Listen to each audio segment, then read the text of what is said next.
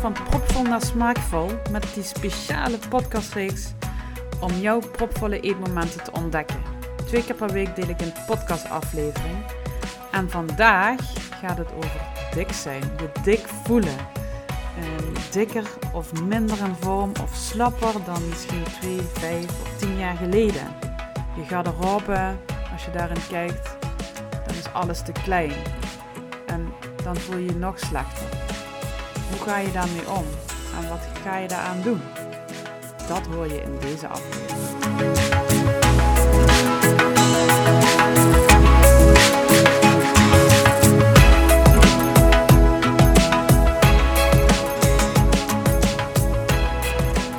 In deze podcast begin ik meteen met een vraag. Schiet er meteen in. Heb jij recentelijk nog eens in de spiegel gekeken wanneer je geen kleren aan had? En wat komt er nu allemaal in je op als ik dat nu zeg? Gadverdamme! Of ik dacht het niet, ga ik echt niet doen? Waarschijnlijk iets in die richting. Omdat je je niet lekker in je vel voelt, niet lekker voelt hoe je er nu uitziet. Je voelt je wellicht dik, dik. Maar waarschijnlijk heb je een partner of kinderen, een vader, een moeder of in ieder geval wat vrienden, mensen waar je heel veel van houdt en die ook heel veel van jou houden. En dat vind je normaal. En dat is het eigenlijk ook. Maar het is wel heel tegenstrijdig dat je verwacht dat het liefste waar je van houdt, houdt van iemand die zichzelf gadverdamme vindt. Dat is eigenlijk raar, hè? En ik zal je één ding verklappen. Mooi zijn heeft niks te maken met gewicht. Sterker nog, je hoeft niet mooi te zijn om mooi gevonden te worden. Het geheim van er goed uitzien zit hem in zelfvertrouwen. Iemand die rechtop loopt en zelfverzekerd lacht, die straalt. En daar wordt iedereen mooier van. Misschien ken jij ook wel iemand die een maatje meer heeft, maar die er wel stralend en zelfs gezond uitziet. Want ondanks dat overgewicht tot allerlei ziektes kan leiden, hoeft het niet zo te zijn dat je per definitie ongezond bent. Daar spelen veel meer factoren een rol. Wat doe je bijvoorbeeld aan beweging? Welke voedingsstofje krijg je binnen? Hoeveel je, krijg je binnen? En het belangrijkste misschien wel, het psychisch welbevinden. Ik zal even een paar voorbeelden noemen. Een model die dus uh, veel op de foto gaat, die er dus eigenlijk altijd fantastisch moet uitzien, hè? want dat is een beetje het beeld, hè? is gelukkig wel een beetje aan het veranderen. Maar die, uh, die gaat dus vaak op de foto en die, ja, die heeft bijvoorbeeld maatje 34 en uh, ziet er dus qua uiterlijk goed uit, maar voelt zich doodongelukkig. Want ze kan eigenlijk niks eten, want ze moet dat figuur behouden, anders verliest ze haar werk. Um, ze staat onder grote druk, want ze moet constant presteren. Ze moet constant op die foto. Ze is altijd met die, dat beeld bezig, zeg maar, maar van haarzelf. Hoe kijk ik? Uh, hoe zie ik, me, zie ik eruit voor de camera? Welke positie is het fijnste, het mooiste? Hoe zie ik er het beste uit? En dat kan heel veel druk met zich meebrengen voor zo'n model. En ja, iemand kan doodongelukkig worden. Uh, daarbij krijgt ze misschien ook niet alle voedingsstoffen binnen, omdat ze natuurlijk niet alles uh, kan eten. Dus ze bouwt misschien ook een tekort op. Um, en daardoor uh, kan het zijn dat zij helemaal niet zo gezond is. Terwijl ze dus wel mager is en maatje 34 heeft. Dus dat heeft helemaal niks met gewicht te maken op dat moment. Nog een voorbeeld. Een slank persoon die veel make-up gebruikt en helemaal niet sport. Bijvoorbeeld iemand die uh, gewoon van nature atletisch en slank gebouwd is. Ehm, en die kan alles eten, die hoeft uh, niet op te letten. Dus uh, als ze een bak chips uh, nodig wil, dan doet ze dat. Um, en doet ook niet aan sport, want dat is ook niet zo nodig, want haar figuur is toch goed. Um, dus waarom zouden ze zich daar moe aan maken? Dus ze is ook een beetje lui. En om er goed uit te zien, uh, smeert ze heel veel make-up op. Dus uh, foundation, um, eyeliner, mascara, alles erop en eraan. Ik ben zelf niet zo van de make-up, dus ik kan je ook niet precies alles opnoemen. um, maar daar zitten natuurlijk allemaal chemicaliën in. Je hebt ook wel make-up op natuurlijke basis. Maar ja, vaak zijn die een stuk duurder en de meeste gebruiken die niet. Um, en die chemicaliën komen allemaal via de huid binnen. En dat kan heel veel invloed hebben op jouw uh, gezondheid. Dus zo'n slank persoon kan ook heel ongezond zijn. En misschien uiteindelijk ineens een gezwel, een kankergezwel krijgen. Uh, door de chemicaliën of door um, de leefstijl die ze heeft. Of, een, uh, of hart- en vaatziekte komt natuurlijk ook veel voor met zo'n leefstijl. En ja, dat wil dus niet zeggen dat die persoon dus gezond is en heeft wel bijvoorbeeld maatje 36. Dus ook dat is een voorbeeld. Um, nog een voorbeeld, bijvoorbeeld een, uh, iemand die heel veel sport, die dus, dus wel heel veel sport en die uh, misschien ook wel wat sportvoeding en zo gebruikt. Um, maar die heeft wel heel veel stress, want die uh, heeft een drukke baan en die moet van zichzelf ook nog uh, sporten elke dag na het werk. Dus krijgt totaal geen rust. Dus geen ontspanning. Het is echt sporten en werken. Dus het uh, cortisolniveau wordt heel hoog, stressniveau wordt heel hoog, uh, waardoor dat lichaam ook geen rust krijgt. Ja, dat kan ook echt wel tot gezondheidsproblemen le leiden. Dus dat cortisolniveau zo hoog, dus dat zijn eigenlijk drie uh, voorbeelden die je waarschijnlijk wel in je omgeving, zeker die laatste twee, zeker uh, ziet. Uh, en die dus niet per se gezond zijn. Dus misschien is dan iemand die een maatje meer heeft, juist veel gezonder. Dat kan. Er spelen dus meerdere factoren mee. Dus hou dat ook altijd in je achterhoofd. Laat gewicht dus niet de maatstaf zijn of iemand gezond is. Um, ja, er was ook bijvoorbeeld een situatie dat uh, iemand een keuring moest bij de, bij de arts. En uh, die werd op de weegschaal gezet, werd gemeten, et cetera. Dus gewoon een jaarlijkse controle. En eigenlijk was alles goed, bloeddruk was perfect. Um, en, maar toch werd de, de dokter, wilde hem op één dingetje wijzen want zijn BMI was te hoog.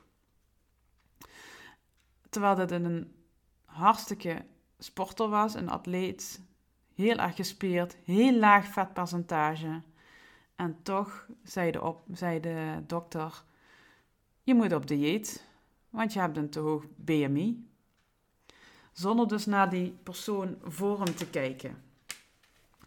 En dat zegt ook weer heel veel over ja, het beeld wat we hebben over dat ideale gewicht, um, dat BMI.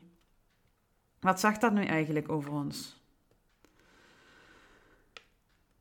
En ja, ik heb zelfs ook een keer een situatie gehoord dat iemand niet geopereerd werd voor een knie, omdat hij een te hoog uh, eh, BMI had. Maar hij was dus uh, um, bodybuilder. Dus die had eigenlijk bijna geen greintje vet, maar werd wel niet geopereerd. Of iemand die dus meer moet gaan betalen voor een arbeidsongeschiktheidsverzekering, omdat hij een hoger BMI heeft. En misschien wel een van het laagste vetpercentage heeft. Uh, sowieso vind ik dat wel best heftig om iemand op een BMI een hogere premie, premie te laten betalen. Of zelfs te weigeren. Uh, je weet helemaal niks over die persoon en over de gezondheid van die persoon. Want die dat model of dat, die slanke persoon wat ik net opnoemde, die dus een hele ongezonde leefstijl hebben, ehm, die hebben dus die verzekering wel, maar zijn misschien wel ongezonder. Dus dat is wel een, een, een maatstaf die uh, veel bepaalt in de maatschappij, maar wat niet uh, per definitie uh, gezond hoeft te zijn. Dus dat is ook een van de redenen waarom ik tegen diëten ben. Maar dat zijn er natuurlijk nog veel meer.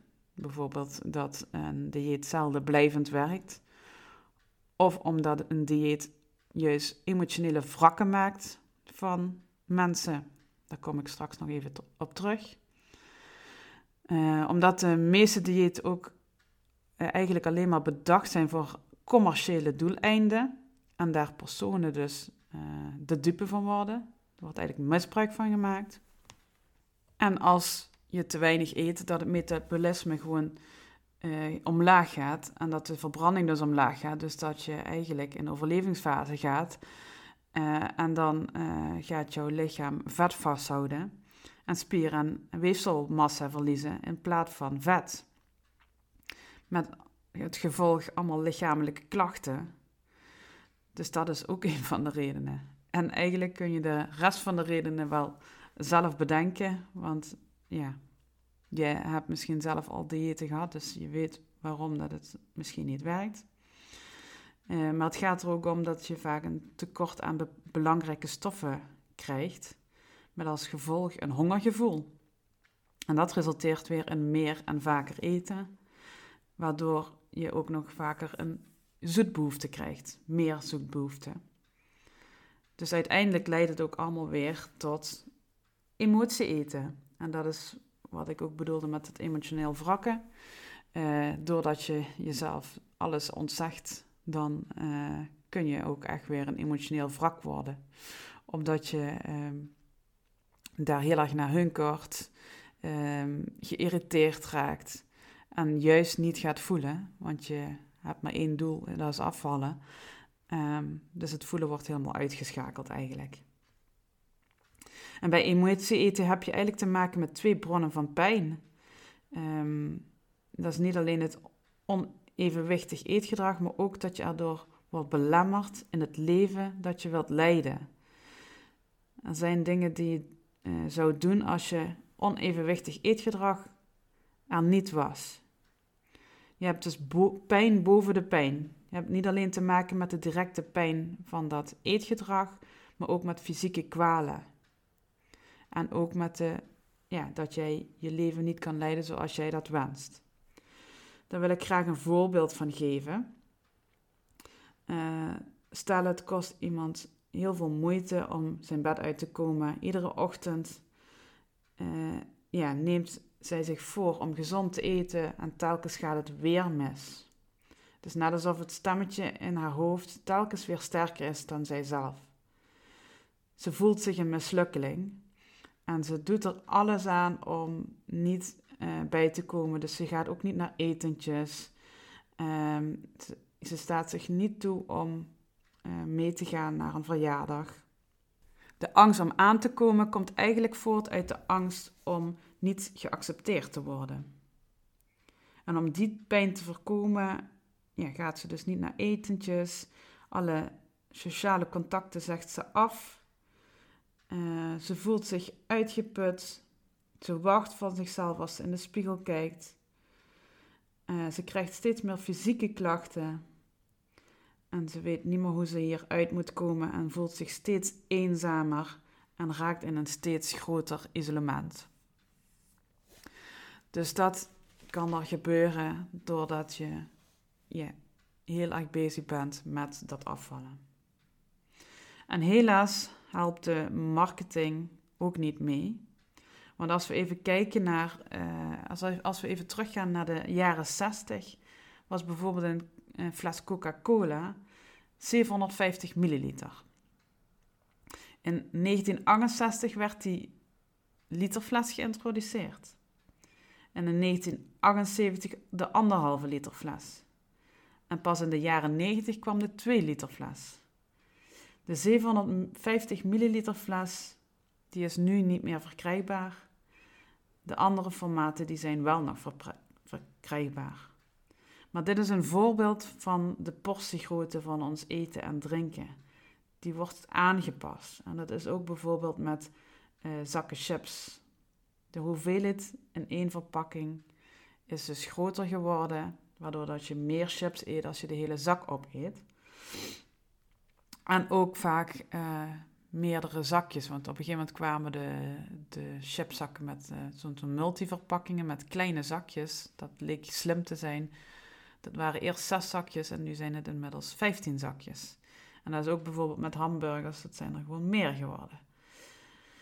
En denk ook eens aan uh, de small, bijvoorbeeld van een milkshake.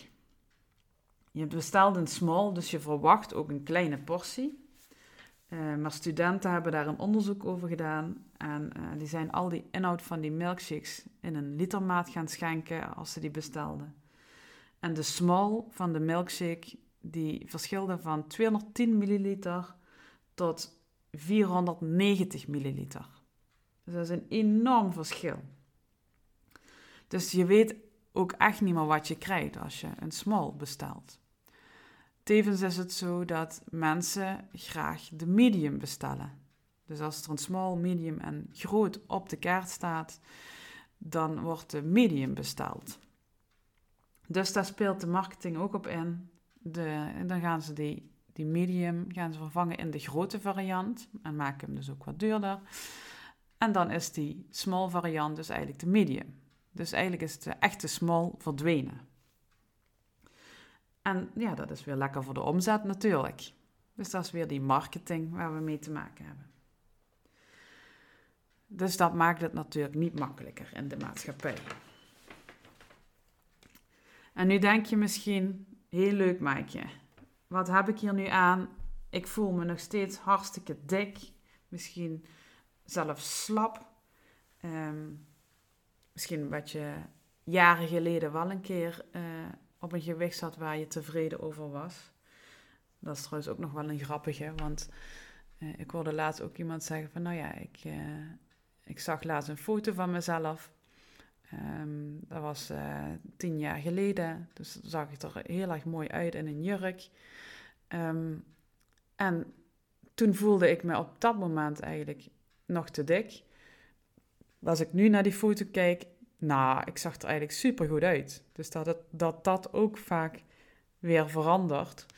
En niet om dat per se bij te stellen van uh, ik, ik wil dat diëten niet meer, maar het is ook gewoon uh, dat je misschien anders naar jezelf gaat kijken. En ja, dat het gewoon al mooi was. En uh, ons brein wil altijd beter, wil altijd verbeteren. Dus je bent nooit 100% tevreden. Um, maar ja, dat is wel mooi om dan te ervaren dat je dat toen heel erg mooi vond. En misschien ben je nu dan 10 kilo aangekomen. En je voelt je misschien nu weer dik. En je garderobe is misschien een trieste weerspiegeling van je fragiele schoonheid die je ooit was. En niet van die uitdijende koe die je nu bent. Je voelt je dus gewoon dik. En hoe ga je dat nu zomaar ombuigen? Ja, allereerst door een klein opdrachtje. Naakt voor de spiegel staan. En ga dan eens goed rechtop staan en kijk met zelfvertrouwen en een stralende lach die spiegel in. Experimenteer ook met je gezichtsexpressies. Kijk eens, uh, ja, probeer eens zelfverzekerd te kijken. Probeer eens uh, net weer anders te lachen. Uh, hoe, hoe zet je je ogen? Dus probeer daar eens mee te spelen. En kijk dan eens hoe mooi je eigenlijk bent. En de eerste keren zal dat echt onwennig voelen en je zult je er misschien ook niet goed bij voelen. Maar doe het gewoon iedere dag. Of je kunt het ook eens proberen met sexy lingerie. En zeker als je het in eerste instantie heel moeilijk vindt. Probeer het dan eens eerst met sexy lingerie. En probeer dat dan eens een aantal dagen zo vol te houden. En nadat je dat een aantal keren gedaan hebt, en je steeds mooier voelt, probeer je dit eens uit bij je eventuele partner. Kijk eens hoe hij erop reageert. En zie dit ook weer als experiment. Je kunt niks fout doen. Er kan niks gebeuren. Je hoeft alleen maar te kijken naar je spiegelbeeld. En te kijken, wat vind ik mooi? En durf weer te experimenteren. Ik kan dat niet genoeg benoemen. Durf echt te experimenteren. En flikker die te kleine kleren maar gewoon uit je garderobe. Als je denkt van dat ga ik nooit meer halen. Hup, weg ermee. Geen probleem. Koop je lekker een nieuwe garderobe wat, uh, wat, wat je goed zet. Dus een goede maat. Je hoeft niet op dat etiketje te kijken wat voor maat het precies is. Het maakt niet uit als het maar gewoon lekker zit en goed zit. En als jij je er maar goed in voelt. Dat getalletje of dat L'tje of dat XL'tje, het maakt allemaal niet uit. Een kledingstuk is een kledingstuk. En ik heb ook de ene keer heb ik een, een small en de andere keer heb ik een XXL. Daar zit ook nog een heel groot verschil in. Dus dat getalletje of dat lettertje, het maakt helemaal niet uit. Als het je maar gewoon lekker als gegoten zit, waar je je goed in voelt. Met een mooie kleur. En uh, ja, ook daar kun je nog wat mee spelen. Hè? Wellicht uh, weet je iemand die een beetje van kleurstyling uh, misschien een, goede uh, kledingzaak die daar ook aan in kan adviseren. Dus zorg er in ieder geval voor dat je je goed voelt.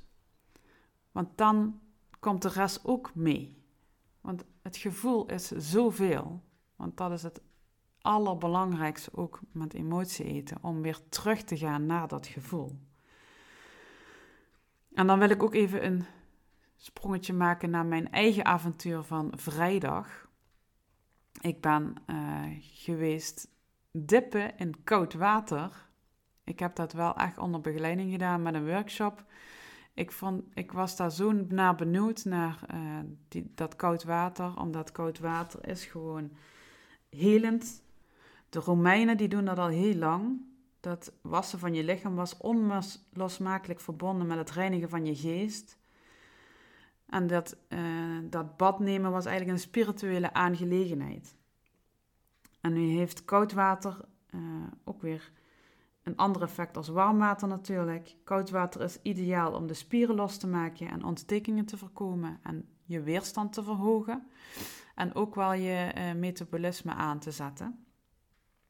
En heet water is dan weer goed voor de bloedsomloop, stimuleert de stofwisseling, verbetert de doorstroming van uh, alle vloeistoffen en verwarmt de spieren, waardoor spanning vermindert. Dus water heeft een hele helende werking. Uh, zelfs het kijken naar water is helend, want dat is uh, ontspannend. Dus water is een hele belangrijke factor in ons leven. En ik was daar dus heel benieuwd naar. En ik heb dat met een workshop gedaan via de Wim Hof methode. En je kent Wim Hof misschien wel van de Iceman. En ik was daar zo benieuwd naar dat ik dat via die workshop heb gedaan. En het was echt mega bijzonder. We leerden die ademtechniek. Uh, ja, eerst gewoon op het droge, dus uh, gewoon in een zaaltje. En ja, het was al heel bijzonder die middag. Want we hadden die ademhaling gedaan en we gingen dus 10 minuten in een ja, horse sit, noemt hij die volgens mij. Dus dat je in zo'n squathouding, dus benen uh, wat doorgezakt gaat zitten. Nou, ik hou, hou dat volgens mij normaal maar twee minuten vol. Dat hebben we dus allemaal tien minuten gedaan. We waren met een groep van negen. En alleen maar door die ademhaling. Dus hoeveel kan jouw lichaam dan aan? Hè? En ik heb echt weinig pijn gevoeld. Al rond de drie, vier minuten dacht ik van... oh, nu gaat het wel echt verzuren, gaat wel echt trillen. En ja, de pijn in de benen was er wel. Maar dat, met die ademhaling gingen we dat eigenlijk wel wegademen. En ja, ik kon gewoon weer door. En bij zes minuten, toen hij zei van we zitten op zes minuten en we gaan tot tien, dacht van nou ja, ik kan hier nog wel uh, lang blijven staan, denk ik. Toen had ik ineens nergens meer last van.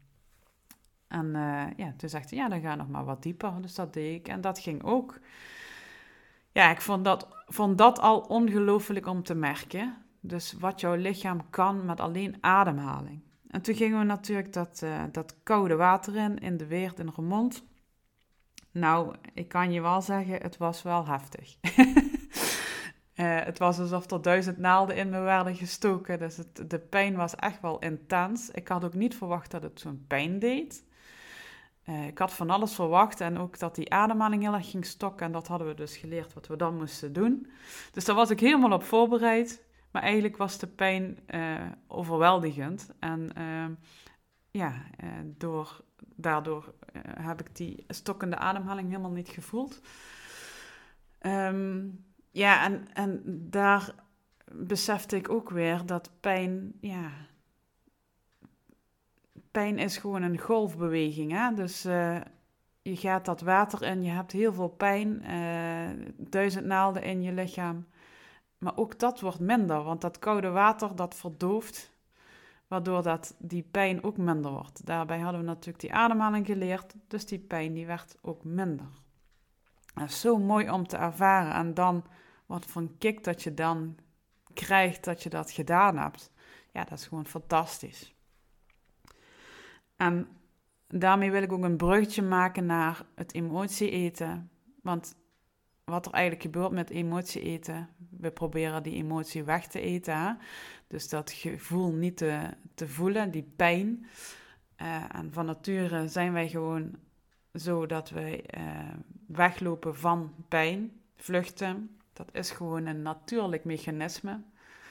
Ehm, maar ook, net zoals in dat water, het is een golfbeweging. Dus die pijn die komt op, die wordt erger, maar die zwakt ook weer af. En daarna krijg je dus een kick dat je bijvoorbeeld niks te eten hebt gepakt en dat het je gewoon gelukt is. Dan komt er een gevoel van trots over je heen.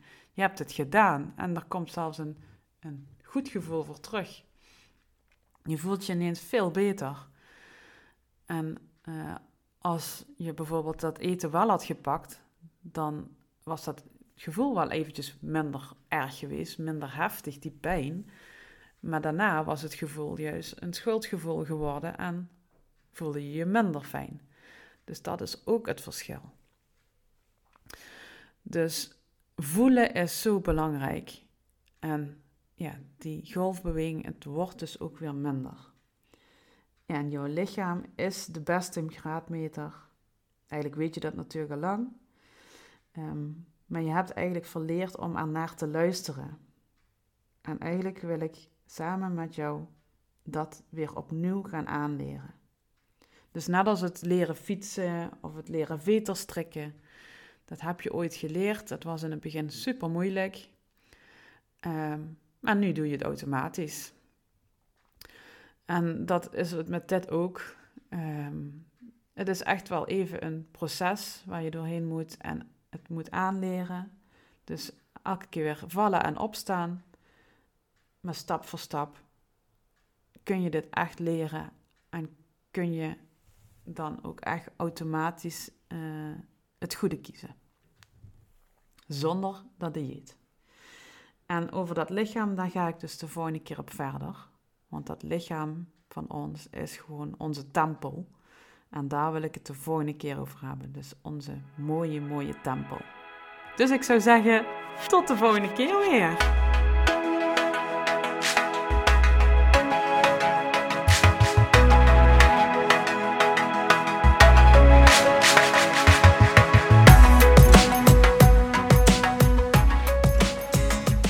In deze aflevering over het dik zijn, dik voelen. Ga lekker experimenteren. En ik hoor graag als je tegen dingen aanloopt, dan help ik je verder. Mail het gewoon naar info.voedingscoachmaaike.nl Ook je vragen, dan